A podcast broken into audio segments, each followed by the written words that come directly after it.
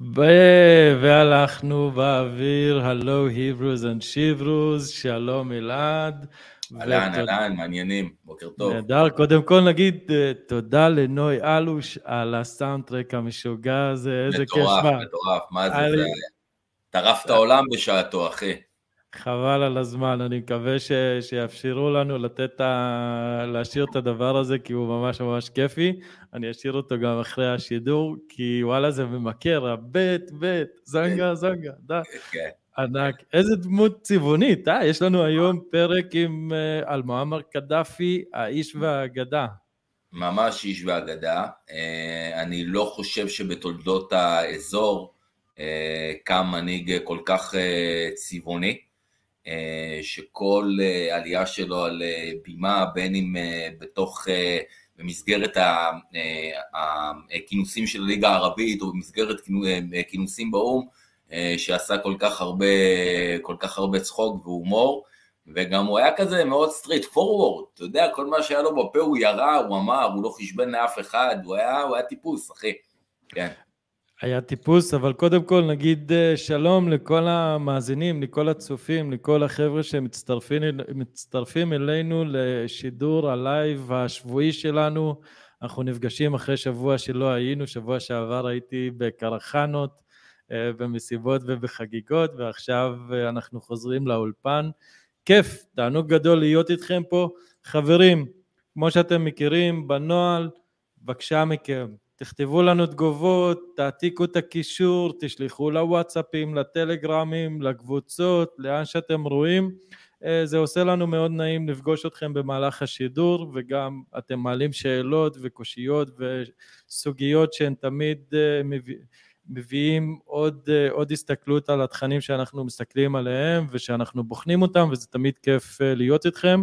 האלגוריתם של, של פייסבוק ושל יוטיוב לא ממש אוהבים אותנו משום מה, אולי בגלל שאנחנו חברים של אדם אטיאס, אני לא יודע, אבל אנחנו נמשיך לשמור על הקשר ועל האהבה שלנו גם לפולס פוזיטיבי, גם לאדם, גם ליריב.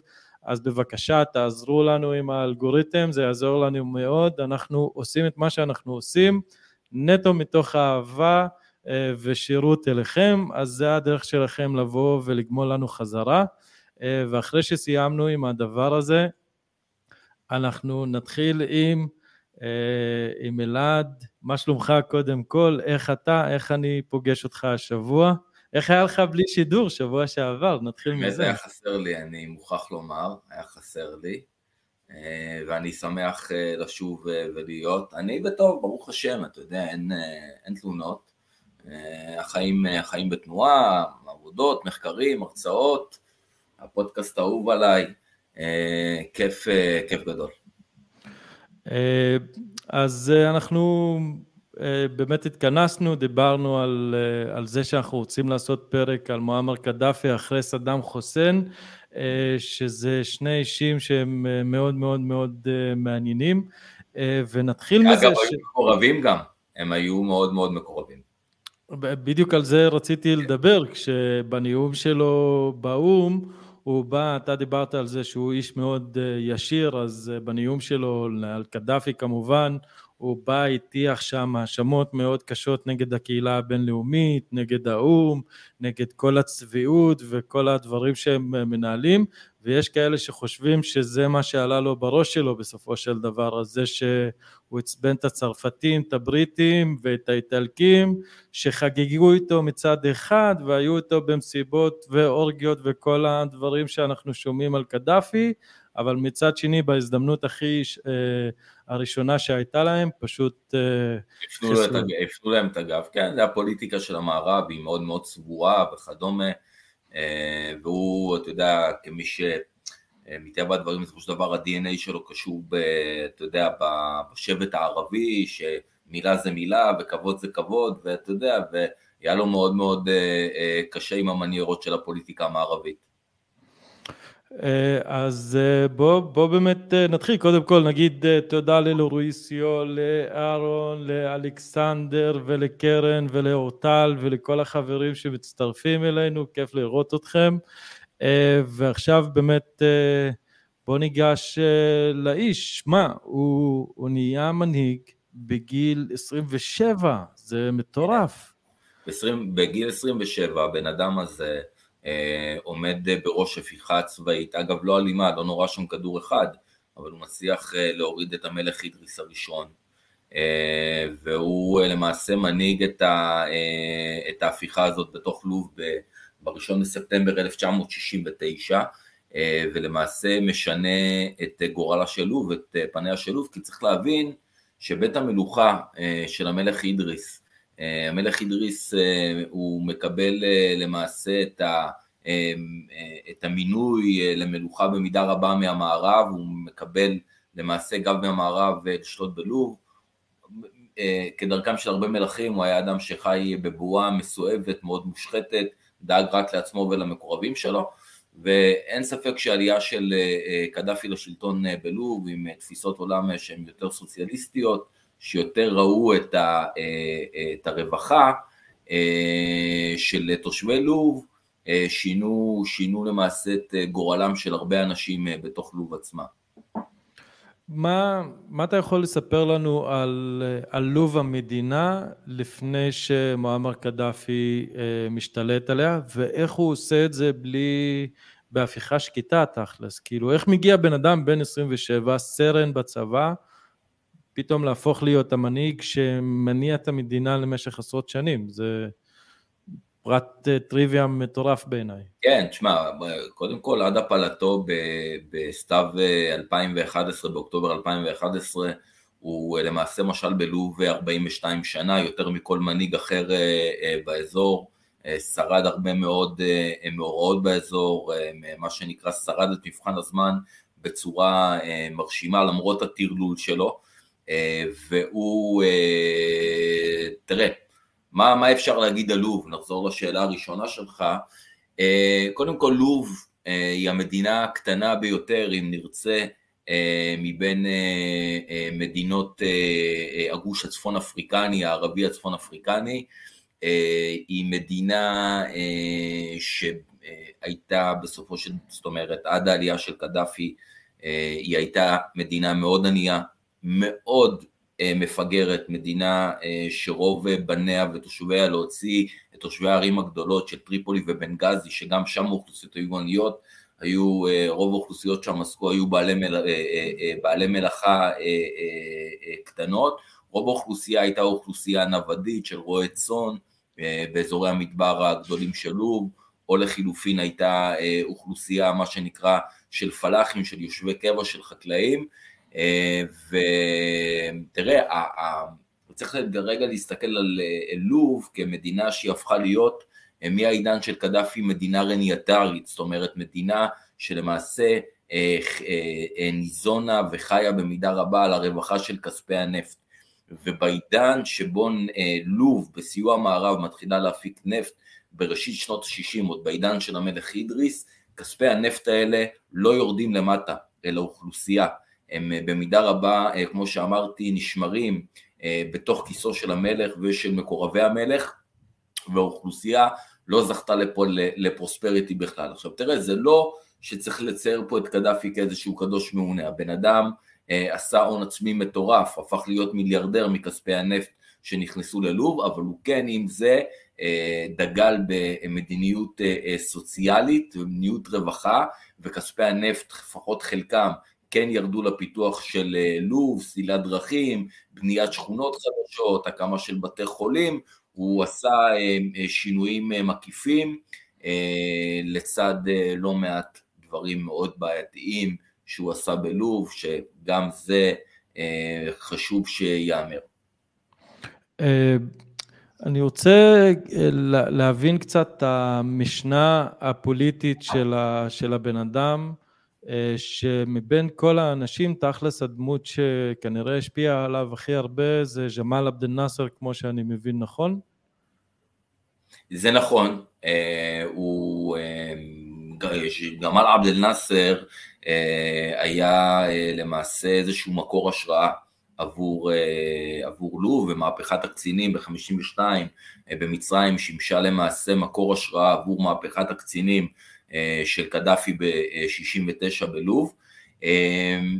קודם כל אני חושב שאחד ממקורות ההשפעה הגדולים של, של קדאפי, תראה קדאפי מה שקורה איתו, הוא, הוא נולד ביוני 1942, מה שנקרא באזורי המדבר בצפון לוב, סמוך לעיר סירט, והוא גדל למשפחה של אבא רועה צאן וסבא רועה צאן, אנשים שהקולוניאליזם האיטלקי שפשט על איטליה בתחילת שנות ה-30 התעמר בהם, הם לחמו במלחמת העולם השנייה גם נגד, נגד האיטלקים, המשפחה שלו, והוא, תראה, שהוא יוצא בתחילת שנות החמישים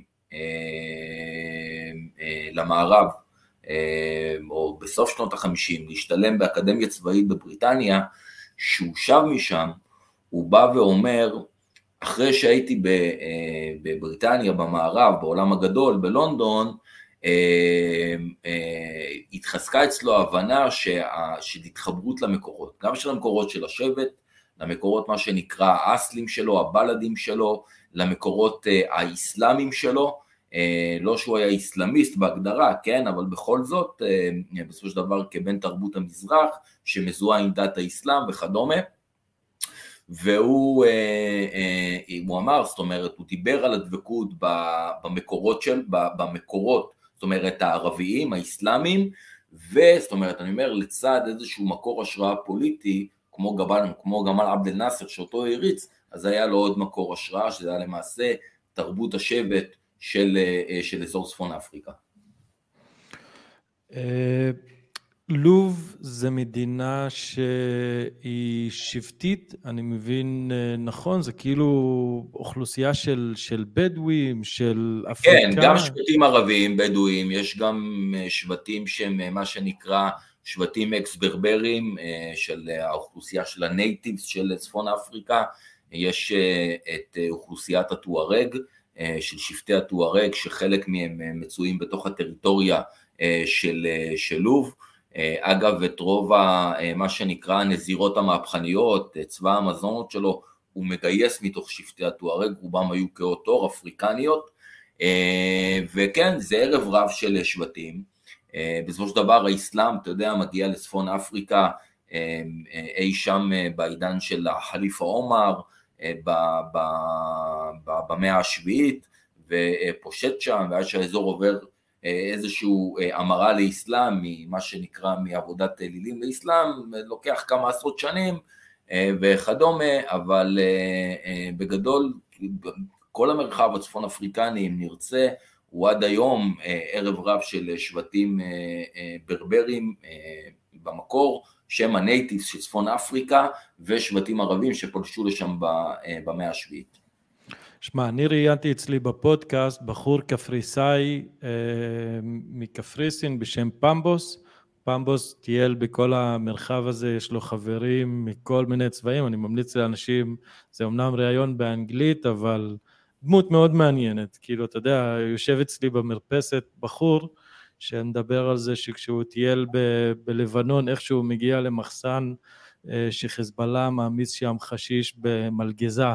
ויש לו ניסיון חיים שהוא, שהוא משוגע, והוא אומר, הוא אמר לי משפט כזה שאותי הימם אז בזמנו, הוא אמר, אה, כל החברים הערבים שלי חושבים שהאביב הערבי היה איזו התארגנות רחוב לגיטימית שהגיעה ושטפה את אה, התחילה בתוניס, מוחמד אבו עזיזי שרף את עצמו והיא פשוט ש... אה, הדביקה את כולם, הגיעה עד לתימן, עד לסוריה, עד ללבנון, עד לכל המקומות האלה באופן ספונטני לחלוטין.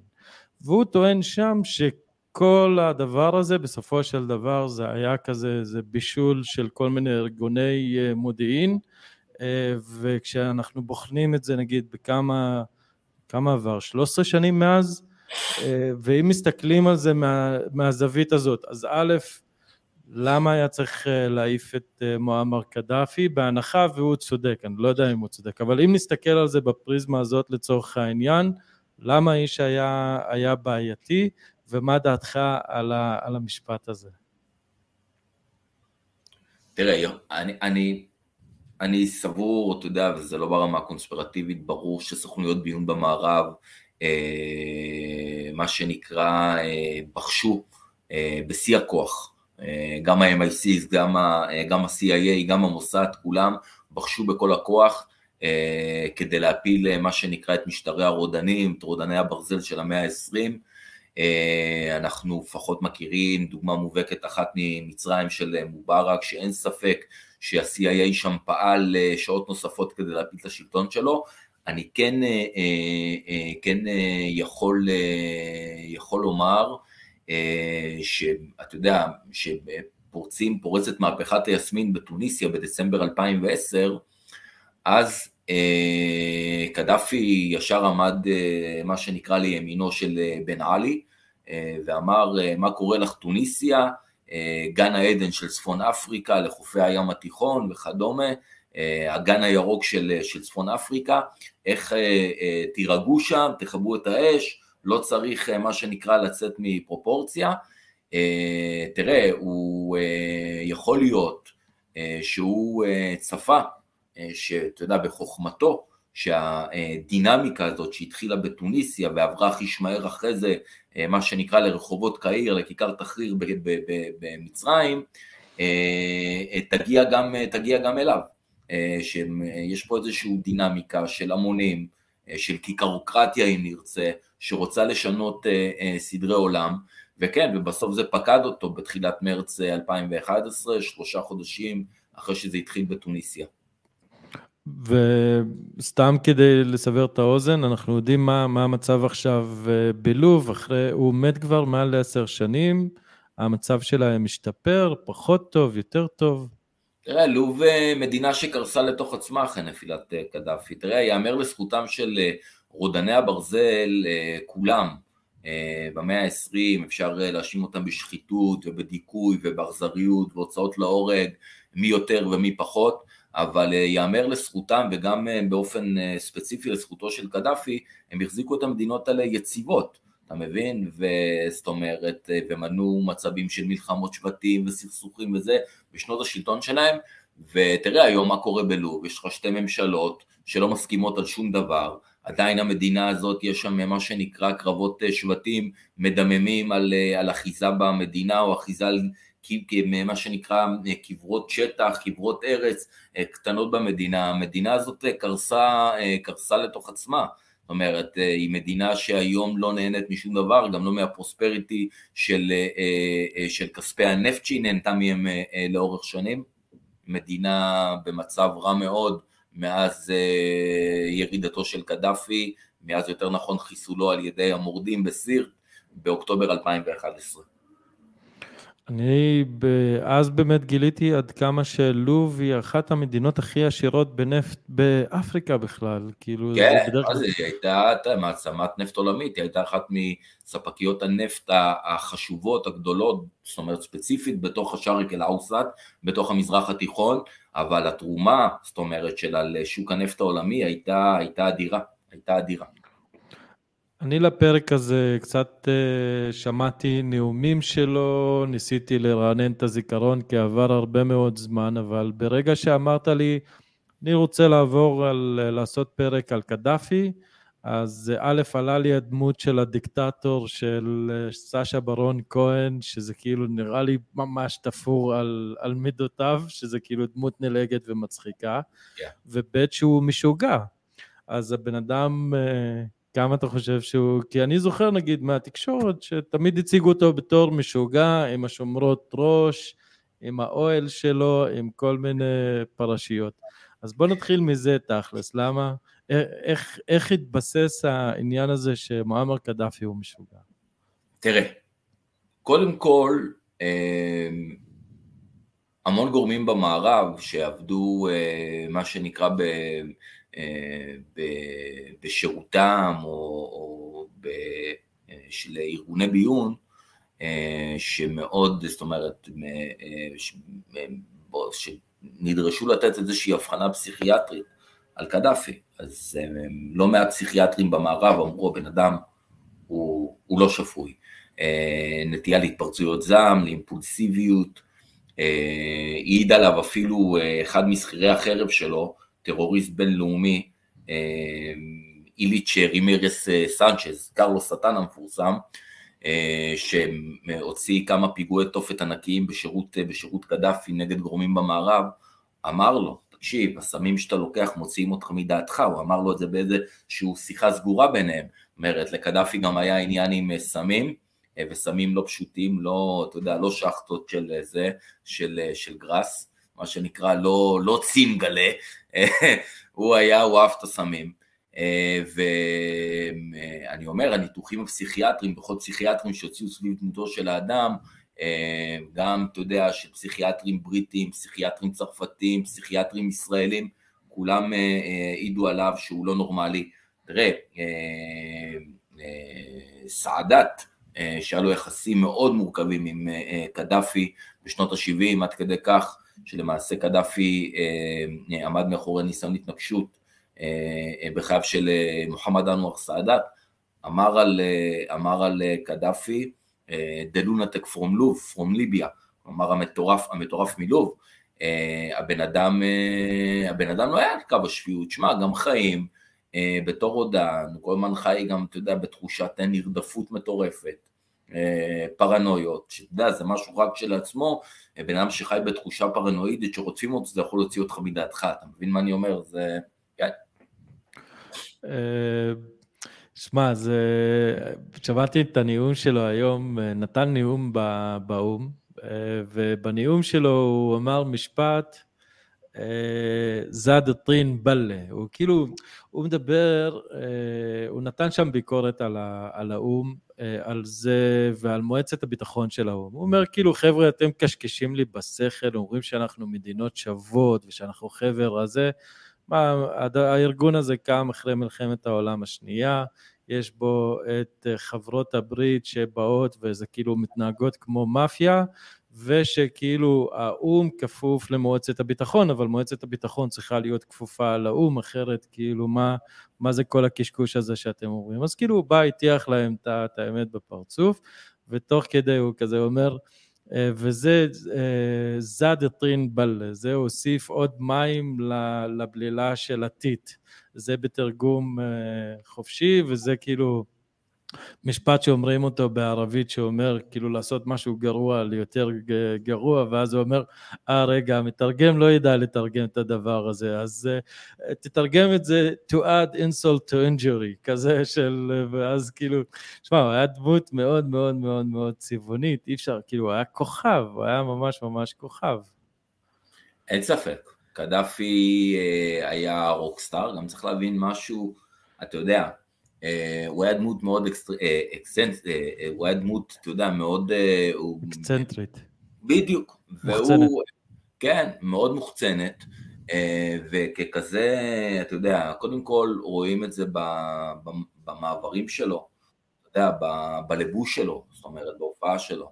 אם באמת בשנים הראשונות הוא היה מסתובב במדי קולונל, במדי גנרל, אתה יודע, מהפכן וכדומה, מהפכן צבאי, אה, אז הוא, זהו, שעוד היה לו את השאיפות, מתחבר גם לשאיפות הפוליטיות, ההופעה מתחברת לאספירציות הפוליטיות, זאת אומרת, שעוד היה לו את השאיפות להנהיג למעשה לפחות את גוש המדינות הערביות הלוקאליות של צפון אפריקה, אה, ואז הוא הבין שהוא, אין לו באמת היכולת לעשות את זה, כי בסופו של דבר צפון אפריקה זו מדינה שיש שם את מצרים, האחות הבכירה במשך שנים בעולם הערבי, עם מנהיג חזק כמו מובארק שבא אחרי רצח סאדאת, הוא הבין שאין לו מה, הוא לא באמת יוכל לשלוט בגוש הזה של, ה, של הצפון אפריקנים.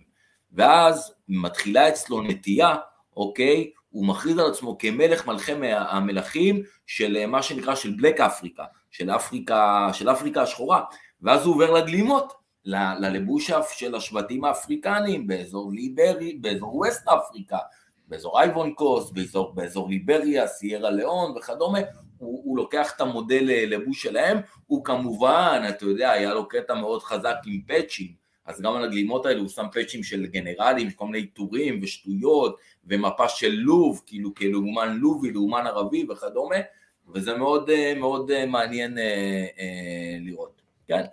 לגבי, לגבי הסיפור הזה של צבא המזונות, של, ה, של הנזירות המערכתיות, הוא מה שעמד, זאת אומרת, בבסיס הטענה של הקמה של צבא של שומרות ראש, היו לו 400 כאלה, זה ממש צבא קטן, אוקיי? ממש יחידה צבאית, הוא, אה, קודם כל הוא, הוא טען שלמתנגשים ערבים מארגוני טרור לא יהיה את אדם אה, מה שנראה, מה שנקרא לפגוע, ב, לפגוע בנשים. על הכבוד שלהם הם לא יפגעו בנשים. מעבר לזה, עוד טענה שעמדה בבסיס החשיבה שלו, הוא ידע שאם יבואו להתנקש בו איסלאמיסטים קיצוניים, לצורך העניין שנות ה-90, אנשי אל-קאעידה וכדומה, שהיה לו, עניין לא פשוט איתם אגב, אה, הוא טען שאם הם אה, ימותו מכדור, של, אה, ש, מכדור שאישה תירה בהם, אז הם בתודעה שלהם לא הולכים לז'אנה, לא הולכים לגן עדן. מעבר לזה, הוא אמר, הגבר היהודי ב-67 הצליח להביס את הגבר הערבי, אוקיי? והגבר הערבי לא מספיק טוב כדי לשמור עליי, אז אני לקח נשים. וואי, מטורף. עכשיו הזכרת לי, תכלס, לא חשבתי על זה, אתה יודע, אני זוכר, כאילו, חשבתי שהוא סתם חובב נשים, אבל עכשיו בזמן שדיברת... הוא חבב, הוא חבב נשים, ועל זה עוד נדבר, נגיע לעניין הזה, על הפשעים שלו עם נשים, הוא עשה חינגות לא נורמליות, הבן אדם הזה. כן. אה, אבל בזמן שדיברת, הזכרת לי שיחה שהייתה לי עם איתי אנגל בפודקאסט שלי, שדיבר על הלוחמות הכורדיות בדאעש, שהן היו עושות את הצהלולים האלה בזמן שהן היו נלחמות עם הדאעשיסטים, כי אה, דאעשיסט או אסלאמיסט אה, או סלאפיסט אם הוא יחשוב שהוא ימות מכדור של אישה, הוא, הוא כאילו מת כמו כלב. כל הוא ה... מת כמו כלב, כן, הוא לא, הוא לא מגיע למקום הרוחני הראוי, זאת אומרת, לז'אנה, אתה יודע, זה, זה ברור. תראה, שזה... אתה יודע, גם נגיד בהקשר של, אתה יודע, זה בהקשר אחר לגמרי, אבל אתה יודע, זה עדיין זה משהו שנכון כן רגע להכניס אותו. באינתיפאדה השנייה, באינתיפאדת אל-אקצא, בין 2000 ל-2005, היו עשרה מחבלות מתאבדות, אוקיי? הראשונה וואפה אידריס, יצא מחנה פליטים אל-עמרי. תראה, הנשים המתאבדות שיצאו להתאבד, אם לגברים הציעו 72 בתולות שחורות עיניים וכדומה, מכירים את הסיפור הזה, לנשים, זאת אומרת, היה למעשה גם, הציעו להם, אתה יודע, הבטיחו להם איזשהו גמול רוחני, הרי אה, על, המעשה שלהם כמתאבדות, אה, ושאחד, הם, אה, זאת אומרת, לצורך העניין בגן העדן, הם יהיו טהורות ונקיות, כלומר ללא וסת חודשית, אה, ללא, הגוף לא יטיל שום, אה, אה, שום צרכים, כאילו גוף טהור לחלוטין, אה, הילדים שייוולדו להם בגן העדן אה, יהיו יפים כ, אה, כמלאכים, אה, וזה, אתה יודע, בסופו של דבר אתה צריך לייצר איזשהו גמול רוחני, איזשהו גמול, כדי לעודד אנשים ללכת אה, לבצע אה, מה שנקרא פיגועי התאבדות. כן, נסתישה, בדיוק. בפיגועי הקרבה, בדיוק ראיינתי את יהודה ימיני גם, שדיבר על ההבדל בין פיגועי התאבדות, שזה כזה מונח שגוי לטענתו, שזה, המונח יותר נכון, זה פיגועי הקרבה. כן, נסתישה, נכון, נסתישה, אבל תראה, בסופו של דבר, אני אגיד לך מה, כשאתה נכנס לדקויות של הלכה אסלאמית, אז האינתיחר, ההתאבדות היא אסורה על פי האסלאם, כי על פי התפיסה התיאולוגית של האסלאם, זאת אומרת, אה, אה, אלוהים נתן ואלוהים לקח, כמו ביהדות אגב, ולשום, ולאדם אין שום זכות על הגוף שלו, אוקיי? ולכן, אחרי הטבח שמבצע ברוך גולדשטיין, בפברואר 1994, במסגרת חרם חלילי אה, בחברון, למעשה שייח' יוסוף קרדאווי, איש תנועת האחים המוסלמים, שייח' סוני, מוציא פסק הלכה שמתיר למעשה לבצע פעולות אינתיחר, פעולות התאבדות. אז זה יכול להיות, אתה יודע, בתצורה של מחבל שנושא חגורת נפץ על גופו, או אה, אה, מחבל שנכנס לתוך מרחב עם רכב תופת ומפוצץ את הרכב תופת בו במקום, היה לזה כמה תצורות שונות. אבל בסדר, זה כבר דיון אחר לגמרי. זה דיון אה, אחר לגמרי, אבל באמת אה, שווה בשביל אה, להגיד ככה במשפט, שזה מדהים איך הדת האסלאמית היא כל כך גמישה שהיא יכולה להתיר דברים שהם אסורים בתכלית האיסור, וזה מאוד רלוונטי לדיון או לדיאלוג או לשיח בהקשר של הסכסוך הישראלי עם אה, בני הדת המוסלמית, שהוא כנראה סכסוך דתי, כמו שאני לומד עכשיו מזה שאני עושה את הפודקאסט הזה ולומד אותו, וברגע ששמים את השיח בהקשר הנכון, אז דברים uh, מתחילים להתבהר הרבה יותר טוב. כן, הם מקדישים, לה... הם הרבה פעמים את ההלכה לטובת הצרכים הפוליטיים, או לטובת uh, צרכים של התנגדות של וכדומה. כן, זה... ו- ושמה שנראה לנו כמו שנאה תאומית בת אלפי שנים יכולה ככה בקצת אה, קצת אה, אקרובטיקה הלכתית אה, להיראות לגמרי אחרת, אבל זה באמת כבר דיון לפעם אחרת.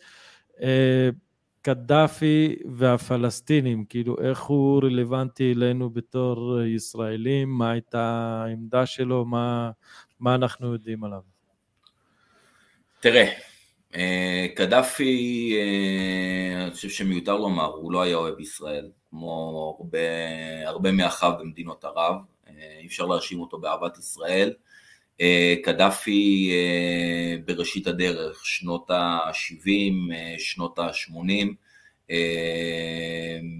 מסומן למעשה כתומך טרור נלהב, הוא תמך בהמון ארגוני טרור, רובם היו אגב ארגוני, ארגוני טרור של אה, מה שנקרא שמאל פוליטיים, אם זה היה החזיתות השונות של אש"ף, הארגון של אבו נידאל, בלק אה, ספטמבר אה, של עלי חסן סלאמה, בהקשר הזה אני אגיד מטביעות האצבע של מועמר קדאפי מאחורי הטבח במשלחת, במשלחת הספורטאים, בי"א הספורטאים במינכן, ניכרת היטב, ואפילו יותר מזה, אחרי מעשה הטבח שצלח אופרטיבית עבור, עבור אנשי ספטמבר השחור, שהייתה למעשה מנגנון הפיגועים של, מנגנון פיגועי החוץ של תנועת הפת"ח, הוא מעביר כמתנה, זאת אומרת לערפאת, עוד סכום של חמישה מיליון דולר, ברמה כזאת. כתמיכה, ב, אתה יודע, על זה שהם הצליחו להוציא פיגוע מאוד מאוד מוצלח על, על אדמת גרמניה. בונוס, משך, מה שנקרא. בונוס. עכשיו תראה, במשך שנים, אני לא אכנס לזה באופן, אתה יודע, לדקויות על מה שהיה במינכן ב-72, הגרמנים אה, שיחקו שם משחק מלוכלך.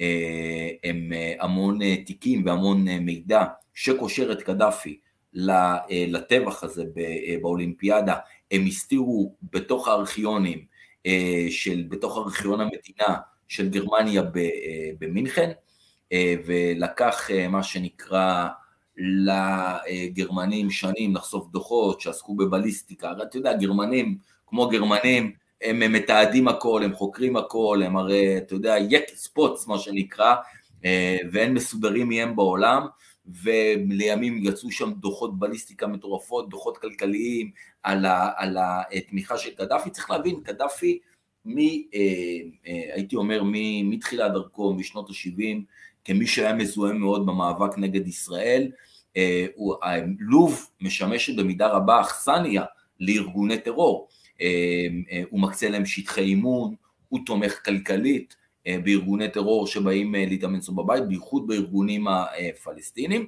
הוא תמך כמובן בעוד אה, חזיתות שמאל כמו באדר מיינוף הגרמנית ובכל מיני חזיתות מה שנקרא של לאומנים או מתנגדים אלימים באפריקה. קיצר, הבן אדם הזה היה... אבל מה, מה המניע של זה? לא שיש לו גבול אה, קרוב עם אה, ישראל, וזה לא... אה, אתה אומר מצד אחד הוא מפחד מארגוני טרור, במיוחד אסלאמיסטים, מצד שני הוא מקצה שטחי אימון ודברים כאלה, זה, זה להזמין את הדוב אליך הביתה, לחצר, לא? במידה רבה כן, הרבה, תראה, המון, המון מנהיגים שמה שנקרא... אה, שזוהו כתומכי טרור, אה, בסופו של דבר זה משהו, זה אה, יתהפך להם בפנים, אתה יודע, אין פה, היום אתה בא ואתה נותן לאנשים מלא כסף, ואתה נותן להתאמן אצלך, מחר הם יכולים להוציא, להוציא לך פיגוע בבית, בלי שום בעיה, התמונה הזאת מתהפכת חיש מהר. קודם כל, כל הסיפור נגיד שלו מול, מול אל-קאעידה, זה באמת משהו שהתחיל עם החדירה של אל-קאעידה לאפריקה בשנות התשעים. הוא, אתה יודע, הוא גם היה פרנואיד, אז נורא חשש מהם מההתעצמות שלהם בתוך, אה, בתוך האזור של מזרח אפריקה, וסודאן הייתה בית מערך לאל-קאעידה והוא לא אהב את זה וכדומה. אה, מעבר לזה, אה, תראה, הוא, אני, אני אחזור לתחילת השאלה שלך שהיא מאוד מאוד חשובה. תראה, הוא, הוא, ראה, הוא, הוא ראה בעצמו פן ערביסט, וכפן ערביסט הוא, אה, הוא היה מהמתנגדים הגדולים אה, לישראל, הוא ממש התאבל על מה שקרה לעולם הערבי ב-67, התאבל והתבייש, זאת אומרת על זה שיהודים הצליחו להכות אה, מה שנקרא שוק על ירך ערבים, ו, והוא למעשה מי שראה עצמו כממשיך דרכו של, של נאצר אחרי לכתו בספטמבר 1970, הוא אה, טיפח בכל דרך שהוא יכל את המאבק, את דרך ה, מה שנקרא האחים הפלסטינים נגד ישראל, דרך מה שנקרא חזיתות הסירוב, ארגוני ההתנגדות, ארגוני הטרור, איך שאיך שתרצה. כשאתה אומר פאנל רביסט, למה, למה אתה מתכוון בדיוק? תראה, אה, כשאני אומר פן ערביסט, הוא אה, היה לו קודם כל, היה לו שאיפות להתאחד עם מצרים, אה, עוד בעידן שנאצר היה בחיים, למעשה ש...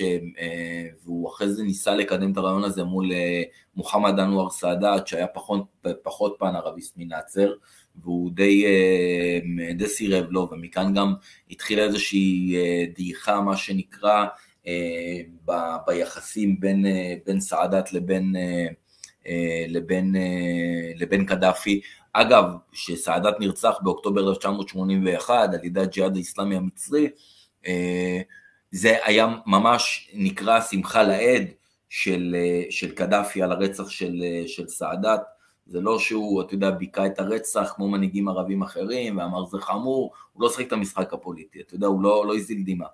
אה, הוא היה מתנגד, ככל גם שמצרים הלכה אחרי מלחמת יום כיפור והתקרבה בהליך דיפלומטי, לפחות החל מנובמבר 1977 לישראל, כך הלכה וגדלה השנאה שלו לסעדת ול, אה, ולמצרים, כי הוא אמר ישראל, אה, הוא ניסה לאחד עדיין את כל העולם הערבי כולו, את כל המנהיגים, במסגרת הוועידות של הליגה הערבית למאבק משותף נגד ישראל, זאת אומרת זה משהו שהיה מאוד, אה, אה, מאוד ישב אצלו בבשר, בדם, בצורה מאוד מאוד מאוד חזקה. אני אגיד לך, אני אגיד את זה איך אני חושב, ותגיד לי אם אתה חושב שאני בכיוון או לא בכיוון. אנחנו מדברים הרבה על המושגים של העולם האסלאמי, שזה נגיד מיליארד איש פחות או יותר, שהמשותף ביניהם הוא מאוד רופף. אה, אין, אין שם דבק שמאחד אה, מוסלמים בווייטנאם ופיליפינים. בוא נאמר את האמת, המשותף ביניהם זה אסורת אל-פתיחה, זה המסגדים, זה הכל. וכן, כאילו כל עוד אנחנו גם אה, מדברים על העולם המוסלמי, אז כוללים גם את איראן, אז קיצר קשה, קשה מאוד להכניס אותם לתיבה אחת. כן, האסלאם, אה, האסלאם היא דת אוניברסלית, וככזאת היא, היא חוצה מרחבים גיאוגרפיים, היא חוצה תרבויות. אה, ושוב, לא כל אה, ערבי הוא מוסלמי ולא כל מוסלמי הוא, ולא כל מוסלמי הוא ערבי, אתה יודע, כן. כן, אז נגיד לסונים יש את חמשת עמודי התווך של, ה, של האסלאם, אה, שזה החאג', זה הזקה, זה אה, אין אלוהים מלבד אלוהים, ומוחמד הוא שליחו, ומה החמישי? אה, אמרנו זקה, סלה, אה, סלה, נכון, התפילה חמש פעמים ביום. Yeah. אז זה, זה חמשת היסודות של האסלאם, שכל הסונים שהם הרוב יכולים להסכים עליהם, שזה מה שעושה אותם מוסלמים. אז, ו...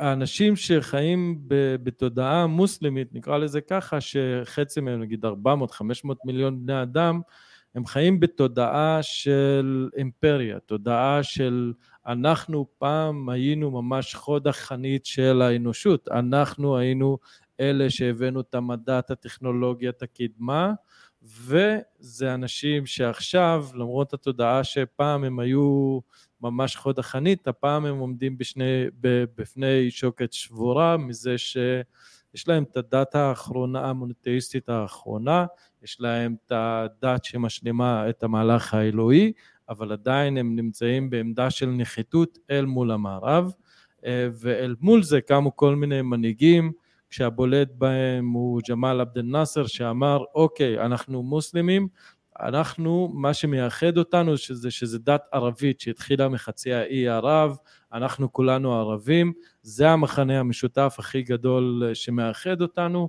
ואנחנו צריכים לפעול להקים אומה ערבית אחת שהיא תתעלה על השבטיות, כאילו המאבק שלהם כן, גם... הוא, הוא, הוא לקח את הזהות האתנית הערבית ואמר, זה צריך להיות הבסיס, האומת אל-ערבייה ולא האומת אסלאמיה לצורך העניין, זאת אומרת הוא היה, נאצר היה חילוני אה, וככזה גם אה, קדאפי כמהפכן הוא היה אה, חילוני, למרות שאתה יודע, האנשים האלה, תראה, גם צריך להבין שגם המנהיגים החילונים בעולם הערבי, אלה שאנחנו מגדירים אותם חילונים, אתה יודע, גם המושג הזה של חילוניות במונחים של מזרח תיכון וערביות, חילוניות באסלאם וחילוניות ביהדות זה לא אותו דבר, כי גם חילוני אה, בסופו של דבר אה, ביום שישי בצהריים הולך לתפילת יום שישי הקדוש וכדומה, ואתה יודע, וגם קדאפי וגם נאצר זה אנשים שהכירו את המסגדים וידעו, אתה יודע, את הלכות התפילה וכדומה, כי זה משהו שהם, אתה יודע, מחנכים אליו מינקות אה, בעולם המוסלמי. אתה יודע, אתה יכול, תמיד אומר, יצא לפגוש בשטחים הרבה פעמים אנשי שמאל פלסטינים, אנשי חיזה, כאילו, מזוהים עם חזית עממית. אתה יודע, בסופו של דבר, כשאתה בא שואל אותם, יעני כיף אל-חל, אומרים לך אלחמדוללה. עכשיו, אתה יודע, זה אנשים חילונים, אבל אלחמדוללה. אתה מבין? כאילו השבח לאל, וביום שישי הוא הולך למסגד. אין פה, אתה יודע, זה, זה לא אצלנו שהחילוניות היא מוחלטת. אתה יודע, אני אומר אצלנו, אצל היהודים, החילוניות היא מוחלטת.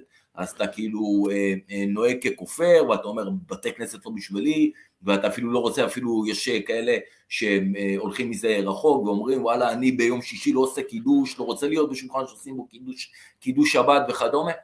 אצל המוסלמים זה שונה. בדיוק, אז... Uh... זה גם, אתה יודע, ארגונים שהם ערביסטים או פן-ערביסטים, הם אה, ייטו יותר לכיוון הסוציאליסטי שפחות אה, מחזק את הזהות הדתית ויותר yeah. את הזהות האתנית של, של המוצא. כן, גם של הסוציאליזם הס... במקורות שלו זה בסופו של דבר נדבך של עוד אידיאולוגיה חילונית, שהם, אתה יודע, יכלו מה שנקרא לרכב עליו, אתה יודע, אה, כן.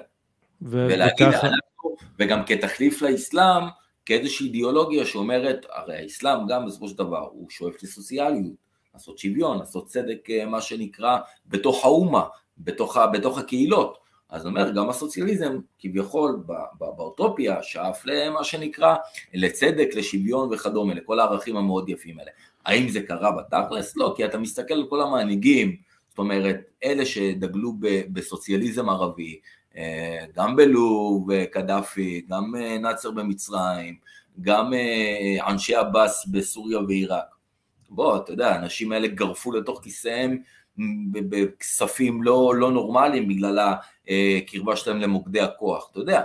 כן, זאת אומרת, דאגו שירד איזה משהו לרחוב ותהיה רפורמות וקצת להוציא אוכלוסיות מנחשלות ועוני מריר וקצת לקדם את החיים שלהם, אבל לא פה ב... אתה יודע, צריך, צריך להכניס את זה לפרופורציות הנכונות. מדהים. אה, יופי, אני כאילו אמרתי, אני אתעכב טיפה על העניין הזה של הפן הרביות, של א', להגיד, תנועות חילוניות אין למעשה בזירה הפוליטית אה, כמו שאנחנו מכירים אותן, אבל יש כאלה שמדברות בשפה חילונית, שזה יכול לעזור גם לגייס אה, תומכים שהם לאו דווקא מוסלמים, כמו נגיד ג'ורג' חבש בחזית העממית וכל מיני אה, ארגוני שמאל. ג'ורג' חבש, בודיה חבדד, נאיף חוואטמה ואחרים, כן, אתה יודע, היו הרבה. זה פרגמטיזם אה, פוליטי שבא אומר, אוקיי, בוא נחזק את הזהות האתנית על חשבון הזהות הדתית שלנו, לא כל כך עובד. אנחנו מכירים ארגוני אה, או אה, מאמצים או ארגונים אה, דתיים, שזה האחים המוסלמים, שזה איראן, שזה כל הפוליטיקה הדתית ש, שהיא כאילו הרבה יותר נוכחת באזור שלנו, ועשיתי את כל הדבר הזה כי תכלס מועמר קדאפי ניסה לחבר בין סוציאליזם לבין אסלאם בספר הירוק שלו, הוא כאילו... בספר הירוק, נכון, סוציאליזם אסלאמי, כן. כן, זה, זה, זה... ו- ואני אומר, המשותף, זאת אומרת, בין האידיאולוגית, בין נגיד הסוציאליזם או הקומוניזם שהרבה יותר טוטליטרי לאסלאם, זה באמת העניין הזה של אה, צדק חלוקתי ושל, אה, אתה יודע, חלוקת משאבים שווה, זה, זה, זה רעיונות שהם זהים בשני אידיאולוגיות, אתה מבין? תראה, אבל בסופו של דבר, כשאתה בוחן את התמונה, אתה אומר, וואלה, גם אצל האסלאמיסטים, במשך שנים החמאס, מאז העלייה שלהם, מה שנקרא מההופעה שלהם ברצועת עזה באינתיפאדה הראשונה, ניגנו למעשה על הדיכוי ועל העושק ועל השחיתות של הפתחאווים, שהם אה, למעשה אה, מה שנקרא אה, מקבלים את שרביט ההנהגה, עולים על הבימה בעזה בקיץ 2007. מה, מה זה, אחי, זה חונטה של מושחתים שם כל ההנהגה של החמאס. אותו דבר עם איראן, תראה, קח את האייתולה חמינאי. אייתולה חמינאי ערב המהפכה, הבן אדם הזה היה פושט יד בכניסה למסגדים. אתה מבין? הוא גם, הוא, אתה יודע, ברוח של החומניזם, דיברו על מה שנקרא, על פיתוח כל המדוכאים, להוציא אותם מהנחשלים. עכשיו, אתה יודע, בכלל ביסודות של השיעה, הם, הם תופסים את עצמם כמדוכאים. הם אמרו, הנה, יאללה, אור פה לשיעים. ותשמע, ומה כל החונטה הזאת של שלטון המהפכה? קח היום את חמינאי, למה זהו מולטי מיליארדר, שלא תטעה, שלא תטעה. אחי, כולם שוכחים את הערכים שלהם שמגיעים למעלה, אין מה לעשות. לגמרי, מה שרואים משם לא, לא רואים מכאן, אבל הנקודה המעניינת היא באמת שיש פה איזה מאמץ להיכנס לאיזה ואקום שכביכול להבטיח איזה סחורה, נגיד האיראנים הרי, אה, כשהם באים ומציגים את עצמם בתור מנהיגים אסלאמיים, הם רוצים הכרה בינם לבין עצמם שהם מוסלמים ושהם יכולים לעשות את הדבר הזה, ולא רק זה, שיש להם את השיטה ואת הגישה שתחזיר את האסלאם או תחזיר עטרה ליושנה. כולם כזה מנסים לדבר על להחזיר עטרה ליושנה. ו- וכולם משחקים על זה, אז כשאתה אומר שמועמר קדאפי אומר שהוא פן ערביסט, אז הוא מאמץ את הסוגיה הפלסטינית כדי לבוא ולמכור את עצמו בתור מנהיג, שאם תקשיבו לי, נוכל אה, להביס את היהודים או להביס את המערב ולהתחיל אה, לחזור חזרה אל הדרך שבה נהיה אה, בני אדם מפותחים, כי סטינו מדרך הישר. כולם חושבים שהם היו על דרך הישר עד לאיזה תקופה מסוימת, ומאז דברים התחילו להתחרבש, ומאז הם מנסים לחזור חזרה אל, אל דרך הישר. יש? אני הבנתי, זה, ככה אני תופס את זה, יכול להיות שאני... אתה יודע, יש פה, כן, ניסיון כביכול, אתה יודע, של אה, שיבה למקורות, אתה יודע, למקורות, מקורות האסלאמיים, בעידן של, אה, של נבי מוחמד, אתה יודע, סמל, סמל לתואר וכדומה, אתה יודע, הם אה, עושים שימוש בטהרנות הזאת, אבל זה בסופו של דבר מה, מה מבחן התוצאה. כולם כולל כולם, גם הפן ערביסטים החילוניים, או לצורך העניין האיסלאמיסטים שפרצו אחרי, במידה רבה, בשיא הכוח, בראשית שנות ה-80 אחרי המהפכה האסלאמית באיראן. אה, כולם אה, כולל כולם, אתה יודע, מתבררים כמושחתים, בני מושחתים, אה, שלא באמת רואים את רווחת העם ואת הצרכים של העם. אני אומר, אתה יודע, כל, ה, כל הדיבורים האלה על, על שיבה אל המקורות של המאה השביעית, על אה, תפיסות מה שנקרא של, אה, של סלפיה, אתה יודע, זה מאוד מאוד, אני אומר, זה מאוד מאוד יפה, אין לזה באמת אחיזה, אחיזה דה פקטו, אתה מבין? כן. שמע, אם מדברים על פילוסופיה פוליטית, ואנחנו מבינים את, הפיל... את, ה... את החוקיות של המרחב הזה, ניקח את לוב לצורך הדוגמה, אה, מקום שהוא שבטי, שבטים שנלחמים אחד בשני, יש אה, כזה דינמיקה של כוח בין השבט שלי לשבט שלך, אה, ומי ששולט, אנחנו יכולים לדבר על קדאפי ועל ההוצאות שלו להורג ועל הדברים שהוא עשה, אבל בפועל, אם אתה מסתכל על 40 וכמה שנות הניהול שלו, אז הוא אולי עשה את זה לפי החוקים שלו, הוא הצטייר קצת כמו משוגע, אבל לא, או לא יודע מה, אבל תכלס הוא הגדיל את כמות התושבים והאזרחים, האוכלוסייה גדלה, uh, הממוצע uh, חיים של בן אדם ממוצע בלוב עלה, uh, הבן אדם הממוצע גם התעשר הרבה יותר, עזוב, הוא היה מושחת, לקח מיליארדים, אבל בסופו של דבר הוא היטיב עם העם שלו, אנשים אה, החינוך גדל, האוריינטציה, אה, אוריינות, שיעור האוריינות עלה, אה, ואז כאילו אתה בא ושואל את עצמך, טוב, אולי זה לא כזה רע להיות דיקטטור, ואנחנו מכירים אותו בתור בן אדם רע, אבל תכלס אולי הוא היה פשוט טוב לעם שלו, ואנחנו כל הזמן רצינו להסתכל עליו אה, בעין אה, מסוימת. זה כאילו, אתה יודע, שאלה מאוד אה, טריקית, מה עושה מנהיג טוב למנהיג לא טוב, וכשאתה, יש לך כל כך הרבה אחריות על כל כך הרבה אנשים, אז זה, זה, זה כאילו סוגיה מעניינת, סוגיה מפחידה קצת אפילו. תראה, אני, אני אומר שוב, מצד אחד, אתה יודע, הוא, הוא באמת הצליח לקדם את לוב מה, מהנחשלות שלה ולהפוך אותה למדינה משגשגת. אה, אבל אני אומר, לצד, לצד זה, אה, שהוא, אתה יודע, ב, אני אומר, בעזרת כספי הנפט, זה אפשר לו אה, לייצר פרוספריטי בתוך, בתוך לוב ולפתח אותה ולהוציא אותה מהנחשלות המדברית שלה לצורך העניין. מצד שני, תראה, הוא כסוציאליסט, הוא לא התיר חיי תרבות נאורים אה, בתוך אה, לוב, אה, לא בתי קולנוע, לא תיאטרון. הוא ראה בזה סמל סמלים, סמלנים הערביים, אתה מבין, שישחיתו את החיים של לוב.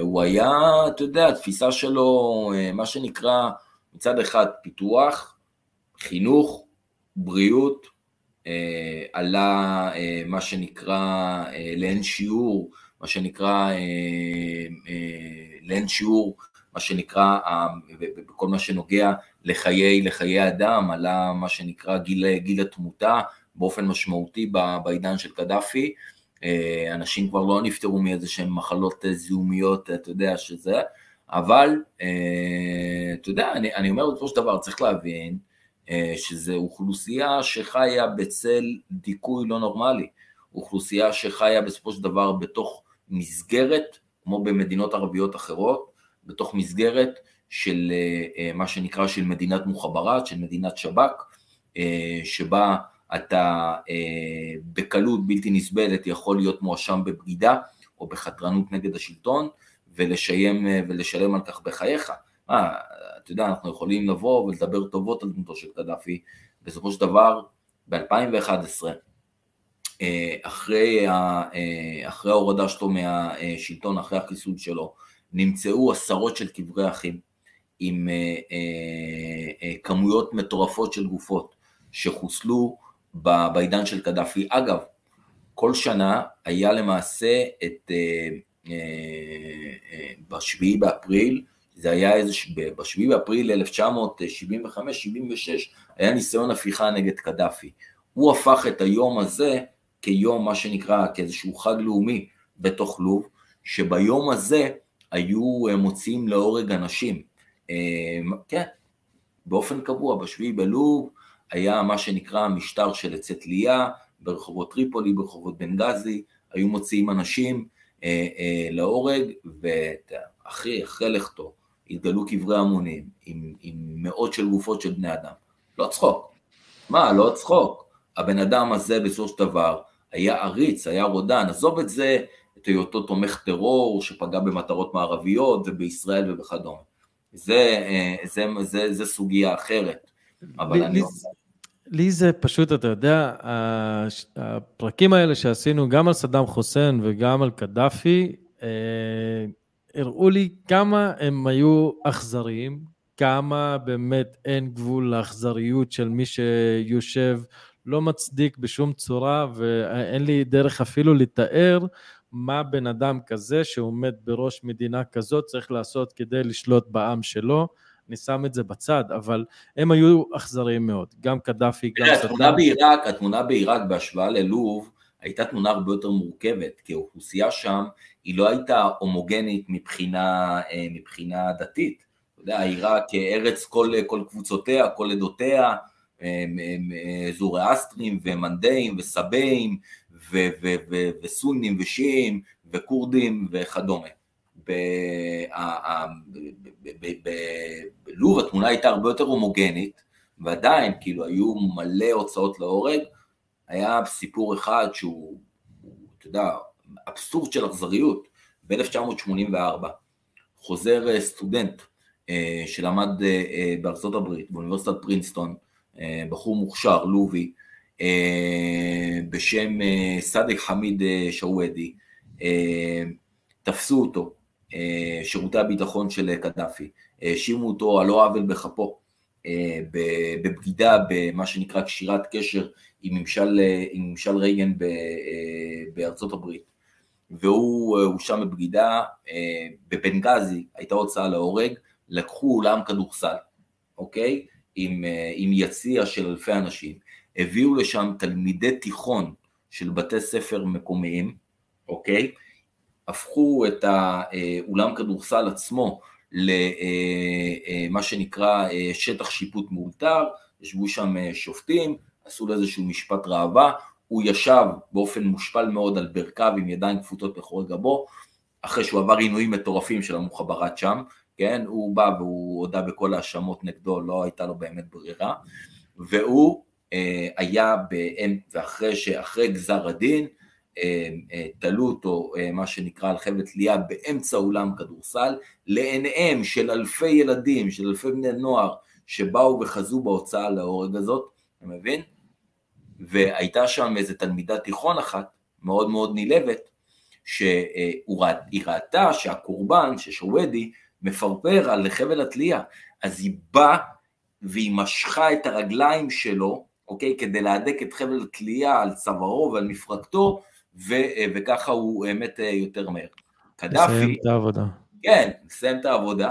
קדאפי שראה, שראה את זה, היה מבסוט רצח עליה, נתן לה קידום, היא הפכה להיות ראש עיריית בנגזי. האישה, האישה הזאת לימים. זה... מה, זה... אתה יודע, אין פה, היו פה אבסורדים לא נורמליים, אחי. אז אה, אני אגיד שני דברים. א', זה מזכיר לי שיחה שהייתה לי פעם בתקופת דאעש עם איזה בחור, בחור מהכפר אצלנו בדליה פה, שאמרתי לו, שמע, אני רואה סרטונים שיוצאים עכשיו מעיראק, איך אה, הורים מלמדים את הילדים שלהם לערוף אה, ראשים של בובות כדי להתאמן על יבש, כי עוד מעט הם יתחילו להתאמן על רטוב.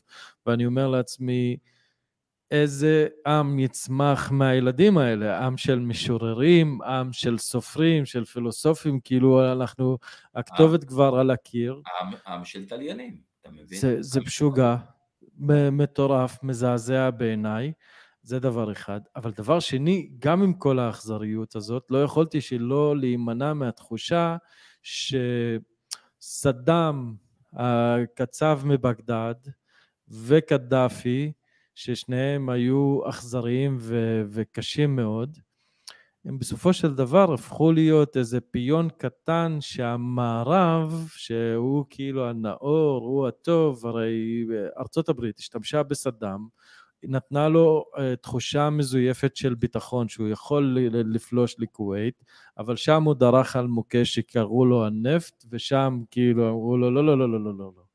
פה טעית, וזה מה שהוביל למותו, כי בסופו של דבר הכושי עשה את שלו, הכושי יכול ללכת, וזה בדיוק מה שקרה עם אה, קדאפי, כי קדאפי אה, הייתה התערבות מאוד בוטה של אירופה כדי להפיל אותו, נאט"ו הפגיזו שם. הם, אה, נכון, הוא... הם הפגיזו שם ב-2011 כדי לקדם את ההפלה שלו.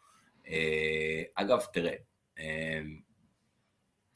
ב-2000 ו...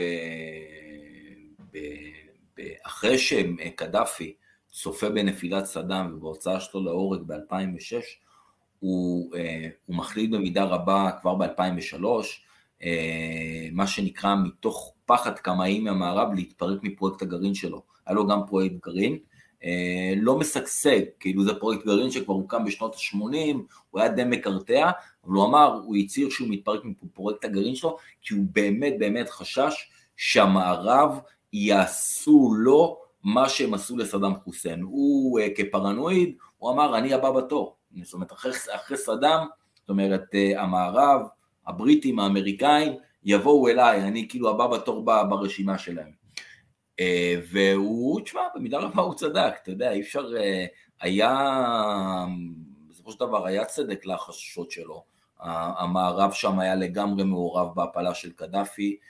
אגב, המיליציה שמחסלת אותו בסיר היא מיליציה שנתמכה על ידי סוכנויות ביון במערב, הם פעלו בחסות ה-CIA וכדומה, זה ברור, כן.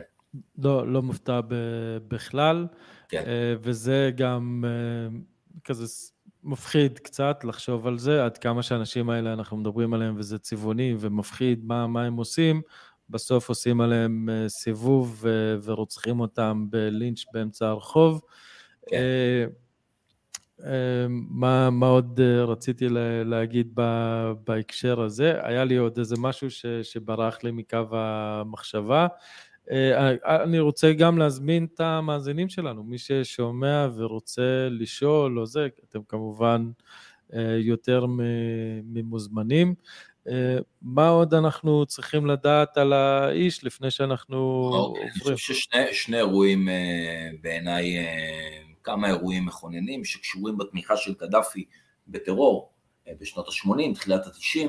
אה, אירוע אחד היה אה, התקפה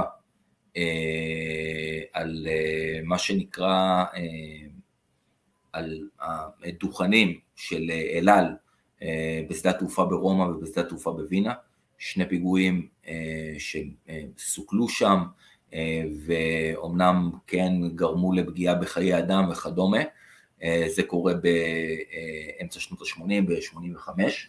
אה, דיברנו על התמיכה שלו אה, הנלהבת למעשה בטרור הפלסטיני, בארגוני הטרור הפלסטינים, מי שמוציאים את הפיגועים שם זה ארגון, זה, הארגון של, של אבו נידל, כמובן בחסות לוביל, בחסות כסף של קדאפי, היה את הפיגוע שהוציא את המערב מדעתו כנגד קדאפי, היה